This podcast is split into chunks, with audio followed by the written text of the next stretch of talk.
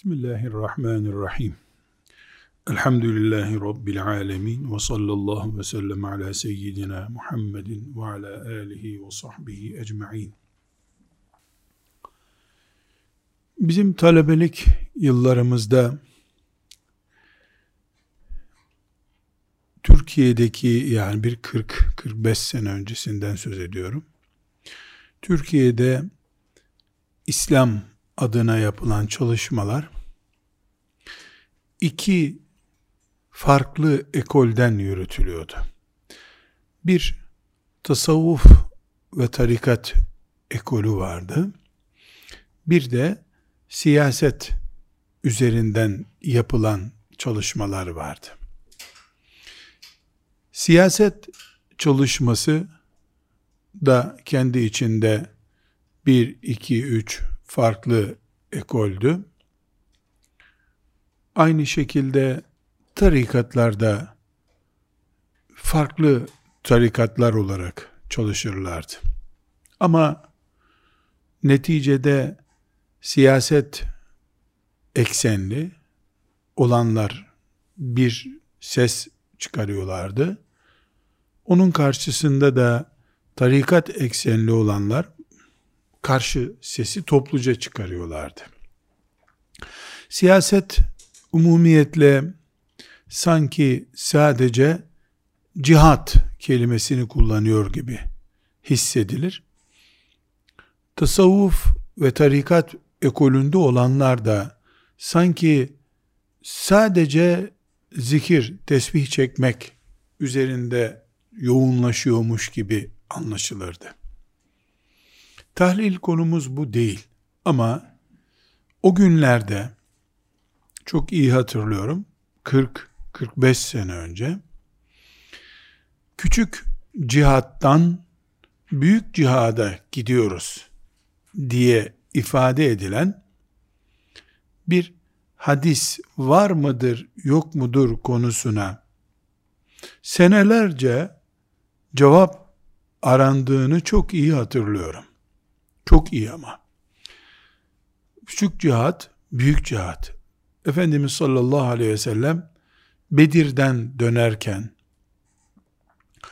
e, şimdi büyük cihada gidiyoruz. Nefisle yapacağımız cihada gidiyoruz. Dedi mi, demedi mi? Biz tabii ki çocukluk ve talebelik, gençlik yıllarımız olduğu için açıp da bu hadis var mıdır yok mudur diye bunu tahlil edebileceğimiz ilmi bir imkanımız da yoktu. Küçük cihat Bedir, büyük cihat nefis. Küçük cihattan büyük cihada gidiyor muyuz, gitmiyor muyuz? Bir taraftan tasavvuf üzerinden din çalışması yapmak isteyenler nefis cihadı büyüktür e, nefis cihadını halletmeden, bütün insanların nefsini düzeltmeden Yahudi ile uğraşılmaz gibi bir hava estiriyorlardı. Öbür tarafta da kafirle cihad etmedikten sonra senin tesbihin ne işe yarayacak gibi oldu. Daha sonraki yıllarda yine bundan işte 30 sene önceki dönemde diyelim e, Afganistan'da Ruslara karşı cihad yapıldı. Yani Afganistan'ın bugünkü perişan hali orada 10 sene işgal edip savaş yapan Ruslarla başladı. E, o cihat esnasında da bu sık sık gündeme geliyordu yine. İşte Afganlılar asıl cihad olan nefis cihadını yapsın. Allah Rusları oradan kovar. Ee, karşı taraftan da diğer sesler yükseliyordu. Şimdi bu süreci, bu yaşadığımız süreci zihnimde hızlı bir şekilde canlandırıyorum da Allah'tan o günkü e, düşüncelere katıldıysam bir tarafa, o tarafa veya bu tarafa affını niyaz ediyorum. Mağfiret buyur ya Rabbi. Bir insanın sağ gözü önemli, sol gözü önemli değil. Ne kadar denebilirse nefis cihadı ve diğer cihat asıl cephede yapılan Bedir cihadı da o kadar fark ettirilebilir. Yani bu önemli, öbürü önemli değil. O kadar denebilir ancak. Sağ göz mü, sol göz mü? İnsanın sağ elimi, sol elimi. Dinimizin parçalanıyor olması, yani bir bölümünün yok, öbür bölümünün olabilir şeklinde parçalanması, mesela namaz veya oruç, ikisinden birini tercih et denmesi, ister kafirler tarafından yapılsın, isterse Müslümanlar tarafından yapılsın. Sonuç aynı değil mi? Yani kafirler namaz serbest, oruç yasak deseler ve bunu uygulasalar maazallah. Bundan bir tehlikeli sonuç çıkıyor değil mi? Dinimiz parçalanıyor. Bunu Müslümanlar yapsa ne olur? Yani Müslümanlar deseler artık oruç yok, namaz var sadece. Ne fark eder? Yani bunu yapan o olsa ne olur? Öbürü olsa ne olur? diye tefekkür ediyorum. Burada küçük bir not düşmemde fayda var. Kıyamet günü bu konuştuklarımızın hesabını verirken benim bahsettiğim 45-50 sene önceki dönemdeki dava liderlerinin e, karşısına hesap vermek için çıkmak istemem. Benim bahsettiğim şey nefis cihadı önemlidir. E, siyasi cihad önemlidir. ifadesi tartışmaları o gün bizim gençler olarak veya avamdan insanlar olarak gündemimizdi ama mesela tasavvufun önündeki şahısların o günkü şahısların böyle bir ayrım yaptıklarını bilmiyorum. Ben insanlar olarak, gençler olarak, üniversite talebeleri olarak konuştuğumuz şeyi söylüyorum. O gün siyasetle meşgul olan ve siyaseti bir cihat eylemi olarak önümüze koyanların e, tesbih önemli değil çocuklar. Tesbihi boş verin. E, nefis nefis zaten kendiliğinden oluşur dediklerini duymadım ben.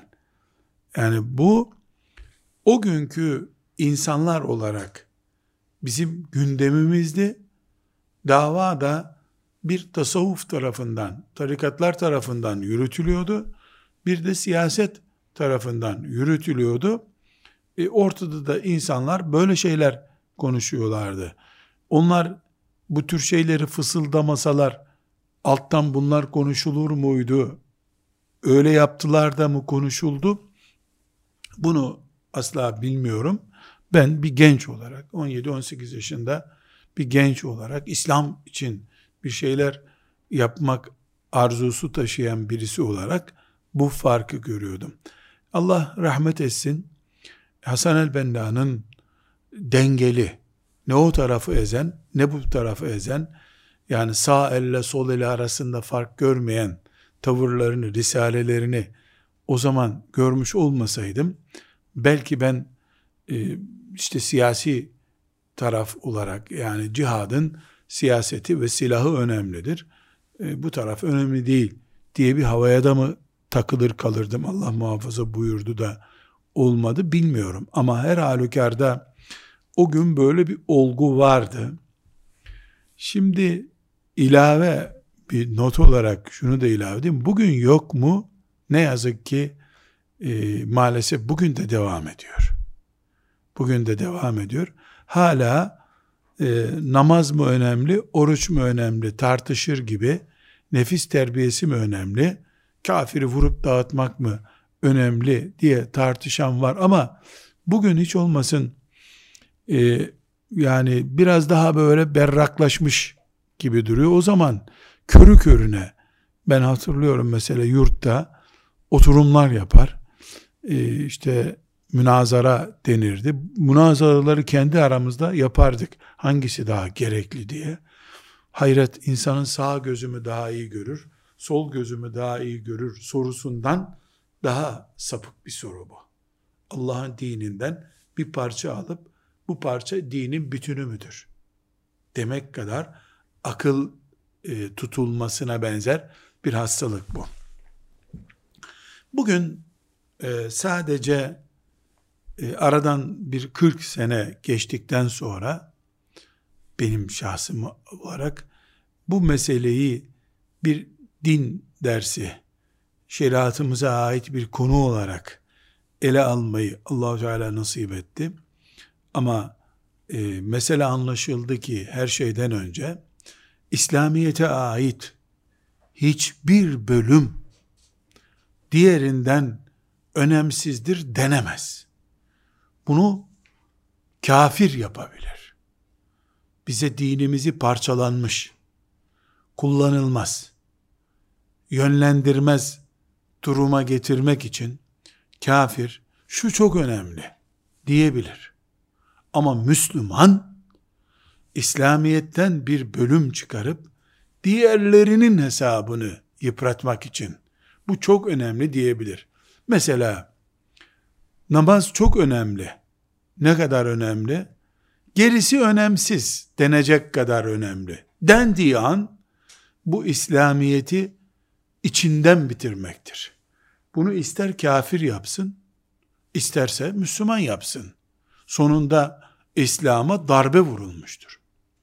Zekat çok önemli mi? Elbette önemli. Ne kadar önemli? Anne baba hukukunu yok sayacak kadar. Bitti. Bu yanlış. Yağmur çok önemli mi? Çok önemli. Ne kadar? Hayatımız ona bağlı. Peki hayatı durduracak kadar yağmur çok yağarsa ona yağmur demiyoruz. Ne diyoruz? Sel diyoruz. Ve bunun adı afet oluyor. Hayatı durduruyor, şehri berbat ediyor, tarımı öldürüyor. Ama aslı rahmet. Dolayısıyla İslam'ın yani dinimizin ibadet olarak önümüze koyduğu şeylerden birisine İslam'ın bütün faturası ödetildiğinde, Müslümanın bütün eylemleri birisine ödetildiğinde kesinlikle sonuç seldir. Götürür. Bunu çok daha iyi anlamak için cihat mefhumunu Müslümanlardaki, İslam'daki, dinimizdeki cihat anlayışını çok abartılı bir şekilde öne çıkarıp camide Allah rızası için beline bağladığı bombayı infilak ettiren insan anlayışında görebiliriz. Ne yapıyorsun sorusuna ne cevap veriyor? Cihad ediyorum diyor. Ama yaptığı cihat Müslüman öldürüyor, cami bombalıyor, cuma namazını infilak ettiriyor vesaire. Mesela yakın dönemde failinin kim olduğunu Allah'tan başkası bilmiyor. Bir Ramazan günü Resulullah sallallahu aleyhi ve sellemin kabri şerifinin 50 e, metre yakınında beline bağladığı bombayı patlatan adam güya bunu Allah için yaptı. Cihat niyetiyle yaptı. Ey hain! Hain oğlu hain oğlu hain. Resulullah sallallahu aleyhi ve sellemin kabri şerifinin yanında insan öldürülür mü? Bomba patlatılır mı? Senin zalim bir iktidardan intikam alacağın hiçbir yer bulamadın mı? Bula bula kabri şerifi mi buldun? Dünyadaki cennet bahçelerinden bir bahçeyi mi buldun? Orada kan akıtılır mı? Ama gözü dönmüş olarak İslamiyeti yaşadığını düşünen herkesin sonu budur. Bunu cihat diye alan birisiyle zikir diye alan birisinin arasında fark yoktur bu konuda. Biri bedenlerimizin kanını akıtıyor, öbürü ruhumuzun kanını akıtıyor. İslamiyet yüzde yüz ashab-ı kiramın Resulullah sallallahu aleyhi ve selleme bakarak yaşadıkları Müslümanlıktır. Hiçbir parçası öbür parçasının yok olmasını sağlayacak değerde değildir. Bunun en güzel örneği işte sel örneğidir. Yağmur önemli, çok değerli, yağmursuz hayat yok. Çok yağınca niye afet durumu ilan ediliyor?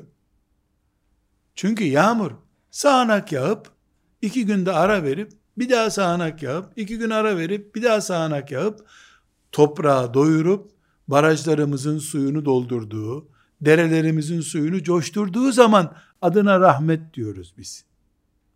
Yaz günü yağmur yağdığında hemen sel oluyor. Afet uyarısı yapılıyor. Çünkü zamansız yağıyor. Çünkü ölçüsüz yağıyor. Çünkü tarlaya yağmıyor, şehre yağıyor. Çünkü tam ekim yapılacak zaman yağıyor. Toprak çamur olduğu için ekim yapılamıyor bir daha. Bu yıllık mahsulümüzü öldürüyor. Cihat da böyledir. Cihat zamanında gerek gerekli cihat zamanında nefis terbiyesi diye oturup pısıkla, pısıklaştırıldığı zaman içine kapanık bir duruma getirildiği zaman Müslüman da böyledir. Sabah ezanı okunduğunda sabah namazı. Sabah namazından sonra zikir, sonra doğru iş. Nefiri am dediğimiz büyük seferberlik ilan edildiği zaman Tebuk'e, Mekke'nin fethine, sonra düğün vakti olduğunda eşlerle yatak odasına. Hayat yaşıyoruz biz. Hristiyanların ruhbanlığını yaşamıyoruz. İslamiyet'te ruhbanlık yok. Burada ne cihat tek başına İslam'ın bütününü, Kur'an'ımızın tamamını temsil edebilir, ne kalplerin ruh iksiri olan zikir, Kur'an'ımızın bütününü temsil edebilir. Müslüman, marketten bir konserve aldığı gibi, İslamiyet'ten de konserve edilmiş bir şey alıp, onunla Allah'ın kulluğunu tamamını icra edemez. Ettiğini zanneden kendini harap eder. Ettiğini zanneden önder birisi ise gelecek kuşaklara yanlış, sapık bir düşünce bırakar. Allahu Teala bize akıl verdi bu aklımızı nasıl kullanacağımıza dair şeriat gönderdi. Biz kendi kendimize sistem oluşturamayız. Bu girişi özellikle yapma ihtiyacımı e, bugün bir hadisi şerif okuyacağız. O hadisi şerif yanlış anlaşılır, karşı çıkılır korkusundan dolayı bu şekilde yaptım. Tirmizi'de 1621. hadisi şeriftir. El mücahidu men cahede nefsehu. Mücahid nefsi ile cihad edendir. Mücahid nefsi ile cihad edendir buyurmuş sallallahu aleyhi ve sellem. Bizim demek ki bir nefis cihadımız var. Efendimiz sallallahu aleyhi ve sellemin buna benzer bir hadisi şerifi daha var. Hicret nedir? Çok kolay. Hicret Mekke'den Medine'ye gitmektir. Mekke'yi mükerremeden Medine'ye gitmektir. Mekke'yi mükerremeden Habeşistan'a gitmektir. Hicret budur. Efendimiz sallallahu aleyhi ve sellem ne buyurur? Hicret haramları terk etmektir diyor. Muhacir de Allah'ın haramlarından kaçandır diyor. Ters mi bu? Mekke'den Medine'ye gitme emriyle ölçüldüğünde. Yanlış bir şey mi? Hayır. Mekke'de de haram vardı. Onun için en büyük haram olan şirk vardı üstelik. Onun için Medine'ye gidildi zaten. Yani Medine hicretinin, Habeşistan hicretinin temel sorunu Allah'ın haramlarını terk etmek bugün Mekke'den Medine'ye hicret ederek Kur'an-ı Kerim'in övdüğü muhacirlerden olmak isteyeceğiz diye bir iddiamız olamaz. Ama bütün Müslümanlar Allah'a karşı haram işlenen bir yeri terk etmeyi kıyamete kadar sürdüreceklerdir. Sürdürmek zorundadırlar. Hicrette budur zaten. Bu ruhu yakalayamayanların hangi ruhu? Asıl sorun haramı terk eden, haramla baş başa kalmayan, düğünden, okuldan, sokaktan, caddeden, iş yerinden, evden, her neyse, haram işlenen bir yeri lanetli görüp, oradan helalin bulunduğu ortama bulabilirse şüphesiz, hicret etme haleti ruhiyesini, mantığını yakalayamayan bir insan, Mekke'de kalan, Medine-i Münevvere'ye hicret etmeyen Müslümanlar gibidir. Dönüp hadisimize gelelim. Mücahit men cahede nefsehu. Nefsiyle cihad eden adamdır. Tirmizi'de hadis ve bu hadis-i şerif sahihtir. Yani hadis kriteri bakımından sahih hadistir. Peki nerede Kur'an-ı Kerim'in büyük cihat dediği Bedir cihadı, Uhud cihadı, Hendek cihadı, Mekke'nin fethi, Kur'an-ı Kerim bunları büyük işler olarak minel müminine recalun sadaku ma ahadullah aleyh müminlerden niceleri erkek adamlar Allah'a verdikleri sözde durdular. Yani şehit oldular. Hendek Harbi için söylüyor Allahu Teala. Yani biz cihadı Bedir, Uhud görüyoruz. Kudüs'ün kurtarılması olarak görüyoruz. E Peygamber sallallahu aleyhi ve sellem el mücahidu men cahede nefsehu buyuruyor. Mücahit nefsiyle cihad edendir buyuruyor. Burada bir çelişki mi var? Yok. Yüzde yüz yerine oturmuş bir ifade var. Bırak çelişkiyi. Bu kadar güzel anlatılabilirdi. Asıl büyük cihat. Tıpkı ne gibi? Medine'ye, Habeşistan'a niye hicret ettiler? Toprak kavgası mı yaptılar? Yani müşrikler Mekke'de Müslümanların topraklarını gasp etmişlerdi, ziraat yapamıyorlardı. Ya da kuraklık vardı Mekke'de. Kuraklıktan kaçıp Yesrib'e mi gittiler? Habeşistan'a mı gittiler? Yok canım. Haramlardan kaçtılar. En büyük haram şirk. Ondan kaçtılar. Zina serbest. Ondan kaçtılar. Faiz, ekmek peynir gibi. Ondan kaçtılar. Zaten Peygamber sallallahu aleyhi ve sellem Medine'ye bunun için gelenlere mücahit dedi. Evleneceği kız Medine'ye hicret ettiği için evlilik uğruna Medine'ye göçenlere de meşhur hadiste ne diyor Efendimiz sallallahu aleyhi ve sellem? Kadın, kadın muhacir diyor. Kadınlara hicret etmiş o. Sevgilisi Medine'ye hicret etmiş. Eyvah bizim sevgili gitti deyince sevgilisinin peşinden gitmiş. Ona muhacir demiyor ki sallallahu aleyhi ve sellem. Muhacir Allah'a gelen, peygamberine gelen, yani haramlardan kaçandır buyuruyor.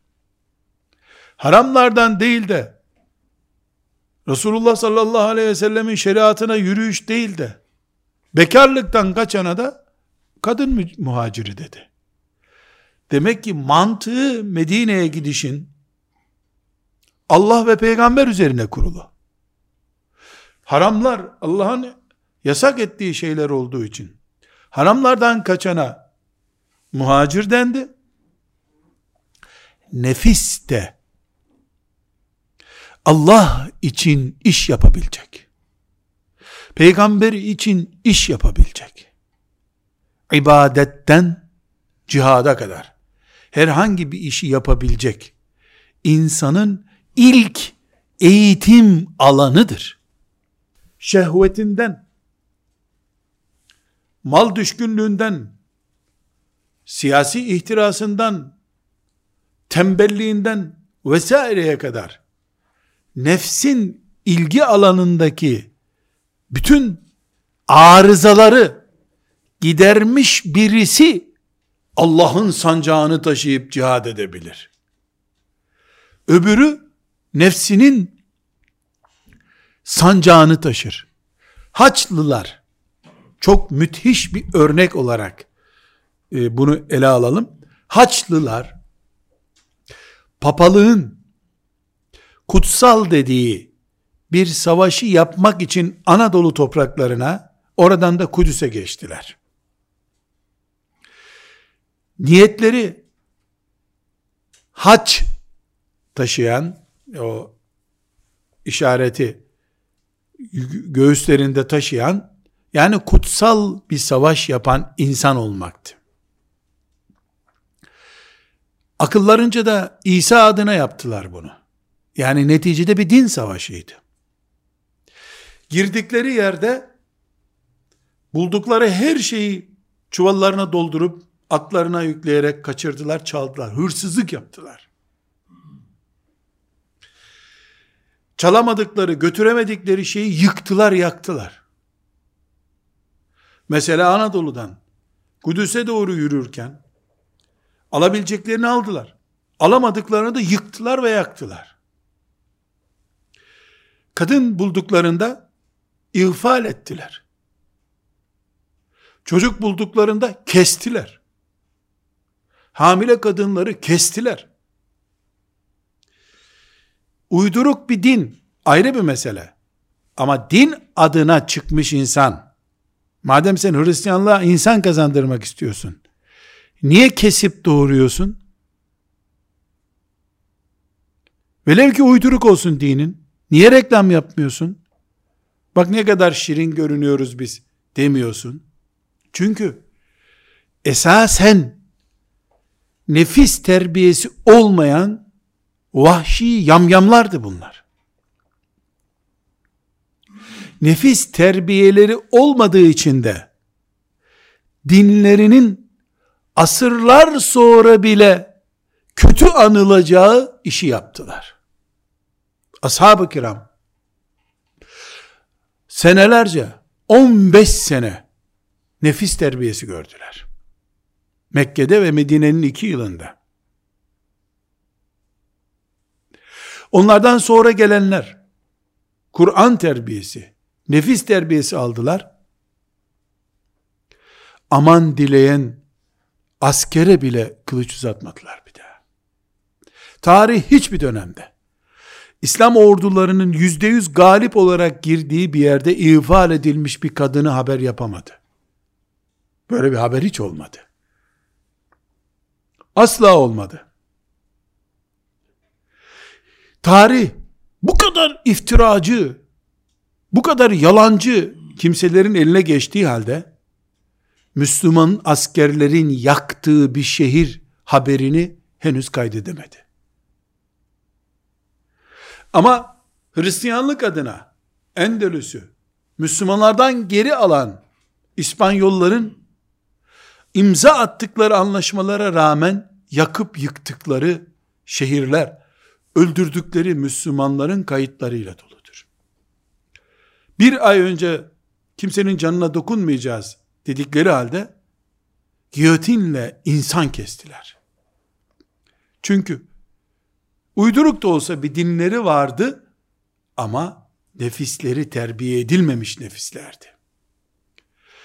Bu sebeple Resulullah sallallahu aleyhi ve sellemin kendisine cihadı emreden, bütün dünya senin cihat alanındır diyen, Kur'an'ın açık ve seçik ayetlerinin okunmasından sonra, ümmetine el mücahidu men cahede nefsehu. Mücahit nefsiyle cihad eden insandır diye temel alfabeyi öğretir gibi eğitim vermiş olması bugün bir mucize olarak Resulullah sallallahu aleyhi ve sellemin mucizesi cevami'ül keliminden yani derli toplu insanlığa mesaj veren sözlerinden birisi olarak anlaşılmalıdır. Allah ashab-ı kiramdan razı olsun. Onların izinden gidenden razı olsun. Ömer bin Abdülaziz'den razı olsun, bu sistemi uyguladılar. Azerbaycan'a önceden uyarı yapmadan giren orduları şehri teslim aldıkları halde Ömer bin Abdülaziz'in talimatıyla tazminat ödeyip geri çıktılar. Fethedilmiş şehri bırakıp geri döndüler. Halkı topluca Müslüman oldu bu sefer. Nefis cihadı dediğimiz şey cihadı anladıysak alfabe demektir. Bir insan düşünebiliyor muyuz? Alfabe bilmiyor, A, B, C, E, T diye alfabe tanımıyor ama kitap yazıyor. Kitap okuyor. Ne kadar mümkün bu? Nefis terbiyesi Allah'ın sancağını taşıyacak. Allah adına silah kullanacak insanın eğitimi demektir. Temel eğitimi almayan insan yani nefis terbiyesi eğitimi almamış insan vahşidir. Eline fırsat geçtiğinde çalar. Kontrolden koptuğu an öldürür. Yakar, zarar verir. Allah dünyayı ıslah etmek için ümmeti gönderdi. Islah etmek için gelmiş bir ümmet ifsad edebilir mi?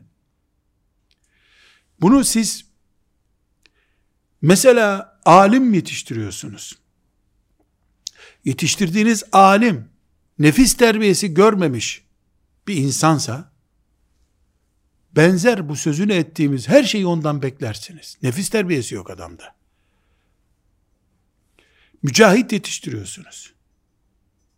Yetiştirdiğiniz mücahit, hani asker, silah kullanacak görevliniz, nefis terbiyesi eğer almamışsa, Irak'a demokrasi getiren Amerikan askeridir o. Irak'a 90'lı yıllarda demokrasi getirdiler. İnsan hakları getirdiler. Milyon cana mal oldu. Getirdikleri de ne demokrasi, ne krallık, ne despotizm, hiçbir şey değil. Katliam. Meğer onların demokrasi, insan hakları dedikleri şey katliammış. Bölünmüşlük getirdiler. Fitne, fesat getirdi. Belki planlamayı gerçekten demokrasi üzerine yapmıştı. İnsan hakları üzerine yapmıştı. Onun penceresinin gösterdiği sözleri söylüyorum. Benim onun demokrasisine, hak hukuk dediği şeye nasıl baktığımı Allah biliyor. Öyle bakmıyorum haşa. Yani onların dediği şeye inandığım yok benim. Ama bütün dünyaya ve tarihe rezil oldu. Nasıl Engizisyon mahkemelerinde giyotinlerle insanların kesilmesi bugün bir ayıp, ar konusu oldu o günkü tarihi yaşayanlar için. Allah'ın izniyle çok geçmez. Asrı asla bulmaz. Yani bir asrı asla bulmaz. Umarız sağlığımızda biz görürüz de o yevme izin yafrahul müminun o gün müminler sevinir ayeti içimizde tecelli eder.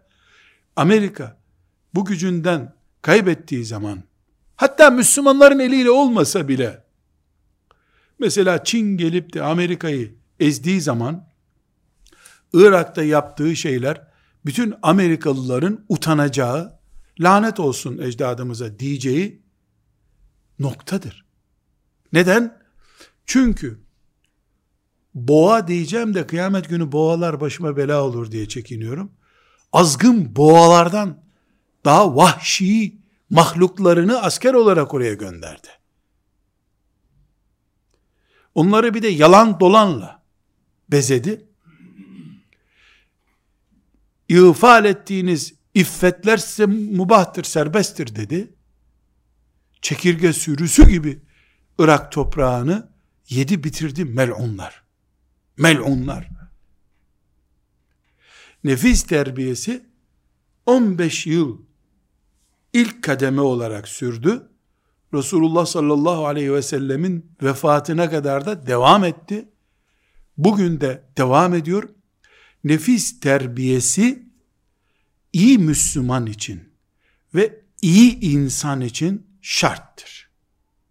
En baştaki sözlerimize şimdi dönüş yapabiliriz. Bu eğitimi almamış, nefis terbiyesinden yoksun insanların Müslüman olsalar bile Allahu Teala'nın dinini temsil etme kabiliyetleri yoktur. Temsil edemezler. Ederlerse Irak'ta Amerika'nın İspanya'da İspanyolların Fransa'nın Afrika'da yaptığı şeylerdir. İnsanları ayakta direklere bağlayıp yüzlerce insanı keşfettiği nükleer bombayı göndererek ışınların insanlara nasıl etkilediğini deneyen Fransa, Cezayir'de, Tunus'ta bugün dünyanın medeniyet merkezidir. Medeniyet merkezidir. Canlı insan üzerinde sırf kendi ırkından değil diye denemiş, silahlar denemiş, bombaları ne kadar isabet ediyor, kaç metreden isabet ediyor, insan üzerinde denemiş bunu. Tükürülesi medeniyetleri nefis terbiyesi almamış medeniyettir. Zaten gerçek bir nefis terbiyesi alsalardı, nefis taşıyan İsa'nın Allah'ın oğlu olamayacağını anlarlardı zaten. Elektrikleri orada kesildi onların bir defa. Ala külli hal, nefis terbiyesinin zorunluluğuna bu girişi yaptıktan sonra, şimdi nefsimizi tanıyabiliriz. Nefis, iki boyutu olan bünyemizdir bizim. Yani nefis dediğimiz şey, kesildiğinde bir insan, içinden bir yerden çıkan bir organ değildir. Bünyemizin tamamını işgal eden benliğimizdir nefis. Bu nefisin iki boyutu var. Bir, nefis, yeme içmeden, cinsellikten, forstan, koltuktan vesaire, şehvet dediğimiz şeylere düşkündür. Hem de onların içinde sineğin düştüğü reçeldeki pozisyonu gibidir hep. Yani sinek reçele ayağından batırır, şöyle bir burnuyla bir şey alıp gidecekken bir daha çıkamaz oradan. O yüzden de mesela sineği tam yakalamak istiyorsan bir yere reçel sürüyorsun hafif gelip o reçele ayağını koyuyor ondan sonra pat diye onu orada öldürüyorsun. Nefis şehvetlere şehveti lütfen sadece cinsellik olarak anlamayalım. 10-20 başlıktan bir tanesidir. Bazen para hırsı cinselliğin yüz katı olur. Siyasi ihtiras cinselliğin bin katı olabilir. İnsanın elde etmeyi arzu ettiği şeylerin adıdır şehvet. Nefis bunların içinde ayaklarıyla, kanatlarıyla, burnuyla, avuçlarıyla durur. İki, nefsin ikinci boyutu nefis Allah'a itaat etmek istemez. İbadetten hoşlanmaz.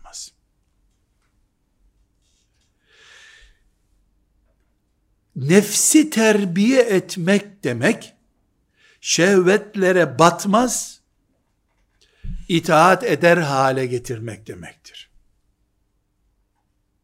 Ashab-ı kiram bu eğitimi gördüğü için, ordu olarak girdikleri yerde kimsenin karısına dokunmadılar. Kızına dokunmadılar. Savaşmayanı öldürmediler.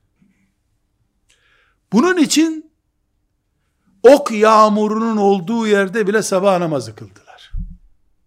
Çünkü nefis terbiyesinin iki hedefi vardır.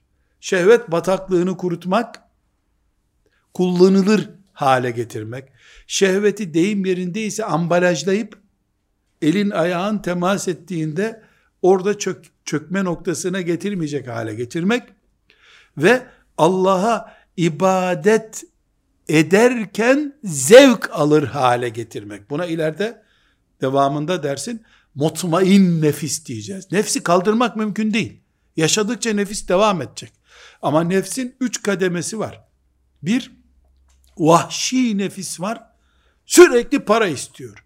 Sürekli cinsellik istiyor. Sürekli force istiyor. Sürekli alkış istiyor. Sürekli balkondan seyretmek istiyor. Sürekli yüzmek istiyor. Buna emmare nefis deniyor. İstiyor. Kudurmuş nefis. İkinci kademe eğitime alınmış nefis var. Levvame nefis.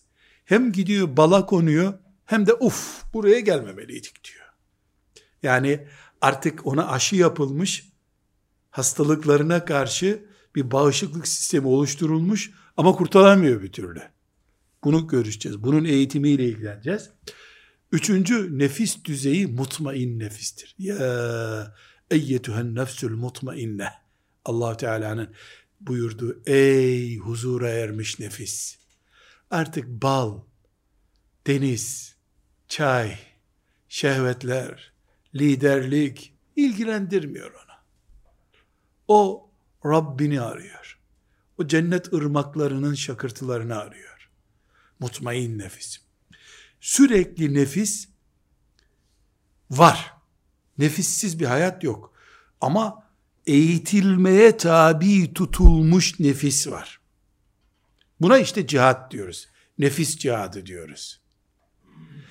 Eğer İslam hocalarıyla, talebeleriyle, akademisyenleriyle, doktorlarıyla, siyasetçileriyle, kocalarıyla, kadınlarıyla, siyasetin diğer kademesindeki insanlarıyla, memurlarıyla nefsi terbiye edilmemiş, nefis cihadı sertifikası almamışların elinde olursa, bugünkü İslam dünyasının tablosu ortaya çıkar.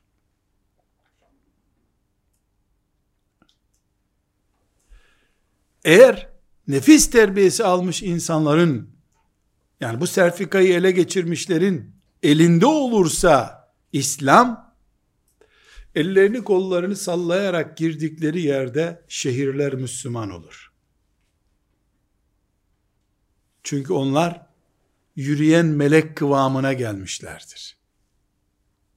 İşte ashab-ı kiram odur. Allah onlardan razı olsun. Sultan Fatih Yunanistan dahil olmak üzere Balkanları fetheden mücahittir. Rahmetullahi aleyh. Ama ortada bir hakikat var. Fatih'ten önce dervişler Balkanları fethetti.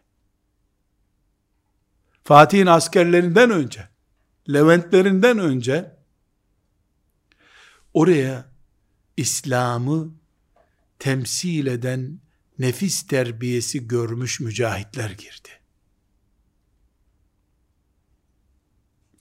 Bir dervişin yaptığını, bir haftada yaptığını, bir ayda bir ordu yapamayabiliyor.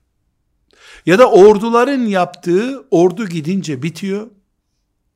Dervişlerin, alimlerin, zahitlerin, Allah'a davet edenlerin yaptığı asırlar sonra bile kalabiliyor. Tekrar bu nokta çok önemli. Ya bu nefisle niye uğraşıyoruz? Çünkü nefsin iki negatif tarafı var. Şehvetlere çok düşkün ve Allah'a ibadet etmek istemiyor. Allah'a ibadet ne diyoruz? E namazından, orucundan, nefis hep bunları ağır görüyor. Sürekli tüketmek istiyor ama asla harcamak istemiyor. Bütün peygamberler Adem aleyhisselamdan Peygamber Efendimiz sallallahu aleyhi ve selleme gelinceye kadar bütün peygamberler nefis terbiyesi eksenli gelmişlerdir. Musa aleyhisselama kadar olan peygamberler de siyasi bir cihat kelimesini kullanmadılar.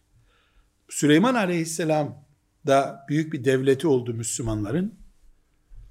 Davut aleyhisselamla beraber. Ondan önce Musa aleyhisselam bu mücadeleyi yaptı olmadı. Ama Musa aleyhisselamdan önce peygamberlerde bakıyoruz ki yalan konuşmayın. Hile yapmayın. Allah'a ibadet edin. Çalmayın. Dövmeyin. Mesajlar hep bu. Musa aleyhisselamdan önceki peygamberlerde. Adem aleyhisselamdan ta Musa aleyhisselama kadar.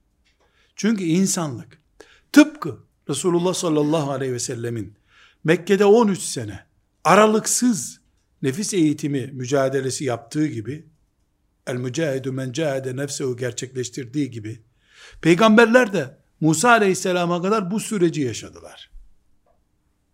Aksi takdirde cennetten çıkmış gelmiş insanın bu dünya şartlarında Allah'ın adına bir devlet kurması yeryüzünde insanlığı Allah'a çağıracak bir sistem kurması mümkün değildi.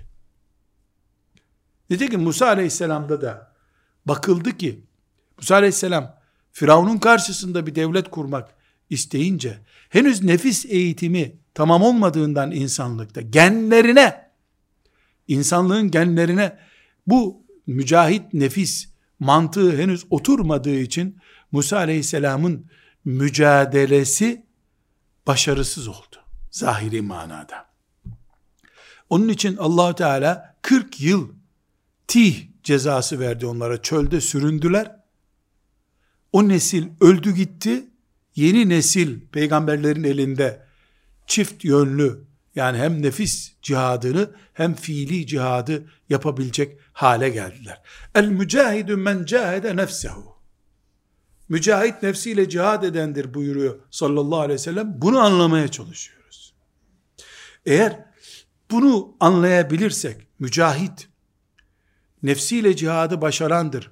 Bunu anlayabilirsek, o zaman biz şunu da çok iyi anlarız. Ee, namaz niye kılamıyor insan? Nefis cihadı bede, insanın e, dış eylemlerini hazırlıyor. Allah'a itaat etmek istemeyen nefsin boyunduruğunu takıyor, itaat edeceksin. Namaz kılacaksın, oruç tutacaksın, zekat vereceksin, hac edeceksin, Kur'an okuyacaksın, yürüyeceksin. Anan sana vursa da, baban vursa da ayaklarına kapanacaksın, öpeceksin, sosyal adam olacaksın diyor. Öbür taraftan şehvetlerini de dizginlediği için kibretmeyen, nemime yapmayan, dedikodu, gıybet yapmayan, kin beslemeyen, seven, sempatik, haset etmeyen Müslüman ortaya çıkarıyor. Öbür türlü İslam'ın sancağını, devletini teslim ettiğin zaman bakıyorsun ki ilk ele geçirdiğinde akrabalarını doyuruyor. İhale mafyası sadece Müslümanın eline geçmiş oluyor. Bir şey değişmiyor. Özellikle bugüne geldiğimizde gayet net bir şekilde şunu söylüyoruz ki bugün ister tasavvuf eliyle yapılsın, ister e, hoca efendilerin eliyle yapılsın, ne ile yapılırsa yapılsın, bugün Musa aleyhisselam öncesi duruma insanlık gelmiş, nefis terbiyesi ihtiyacımız, İsrail oğullarının ihtiyacının üstüne çıkmış da olabilir. Bu halimizle İslam'ın devlet yapısı elimize geçse bir İspanya modeli oluşturabiliriz biz. Üç kişinin, beş kişinin nefsinin eğitim görmüş olması yetmiyor. Hangi fasit alanda onlar bu nefis terbiyesiyle yaşayacaklar ki? Ortam yok. Küçük bir köy bile oluşturamıyor Müslümanlar bu açıdan. Bütün insanlık tarihi boyunca fitneler bugünkü kadar yoğunlaşmamıştır. Fitne dijital hale gelmiştir. Fitne kamusal güç kazanmıştır. Cinselliğinden vesairesine kadar. Dolayısıyla fitnelere karşı müstakim durabilecek bir nesil ancak bu eğitimle el mücahidü men cahede nefsehu mantığıyla olabilir. Başka türlü olamaz. Ve bugünkü kadar da fiili ve iç irtidat hiç oluşmamıştır. Ebu Bekir radıyallahu anh dönemindeki irtidat bütünü bütünü 5-6 bin kişiydi. Yüz binlerce insan irtidat etmemişti. Nüfus ne kadardı zaten? Bugün ben İslamiyet'i istemiyorum haşa diyen aleni bir irtidat var İslam toprağında. Bir de aslında irtidat gerçekleşmiş de haberimiz olmayan iç bünyede kalmış büyük bir irtidat hareketi var. Önce buna deizm deniyor. Bir şeyler deniyor. İsmi değişiyor. Şeriat düşmanlığı haline dönüşüyor. İşte şu ayeti kabul etmiyorum, bunu kabul etmiyorumla başlıyor. Ama İslam İslam. Herkes Müslüman zaten. Büyük bir irtidat e, fırtınası var. Allah rahmet etsin Ebu Hasan el-Nedvi rahmetullahi aleyhin 50 sene önce söylediği bir söz var. Riddetun la Ebu Bekra leha diyor. Bugün bir riddet var ama Ebu Bekir yok karşısında. Ebu Bekir radıyallahu anh zamanında riddet oldu. Ebu Bekir sarıldı kılıcına, riddet ettiğine edeceğine pişman etti insanlığı. Bugün o imkanı yok Müslümanların. Bu noktaya gelinmiştir. Dolayısıyla bugün nefis terbiyesi mantığımız belki de evliliklerin şartı haline getirilmiştir. Ve asla ve kat'a üstünü çizerek, altını çizerek, kenarına oklar, işaretler koyarak söylüyorum. Bugünkü tasavvuf bu ihtiyacı karşılamıyor. Halbuki tasavvuf bunun için vardır. Nefis terbiyesi için vardır. Bugün insanlık tasavvufa Abbasi döneminden, Emevi döneminden, Selçuklu döneminden çok daha fazla muhtaçtır. Ama holdingleşmiş tasavvuftan söz etmiyorum. Kafasındaki takkenin modelini bir din haline getirmiş kılık kıyafet tasavvufunu konuşmuyorum. İnsanların sadece zenginleriyle ilgilenen tasavvufu konuşmuyorum. Herkesten fazla sigara içmeye müsamaha ile bakan tasavvufu konuşmuyorum. İnsanları kendi tasavvufunda olanlar olmayanlar diye ayırmayan tasavvuftan söz ediyorum. Müminlerin yüreklerine sevdalanmış tasavvuftan söz ediyorum. Gerçekten zikrullah olan tasavvufu söz ediyorum. Siyasetin suyunda akmayan, ekonominin iştahını kabartmadığı tasavvuftan söz ediyorum. Bugün insanlık böyle bir tasavvufa muhtaçtır.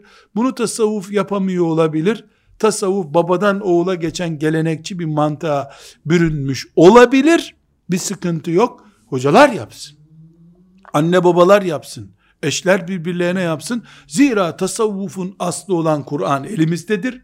Elhamdülillah tasavvufun aslı olan sünnet elimizdedir. Elhamdülillah tasavvufun e, düşünce olarak babası durumunda olan Fudayl bin İyadlar, elhamdülillah Abdülkadir Ceylaniler elimizdedir. Allah'a hamdolsun.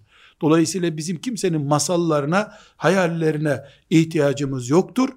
Kur'an'ımız e, cahiliye Araplarından nefis terbiyesi görmüş, nefis cihadı yapmış insanlar yetiştirdiği gibi biiznillah bugün ve kıyamete kadar da yetiştirmeye devam edecektir. Bu İslam için zor değildir. Velhamdülillahi Rabbil Alemin.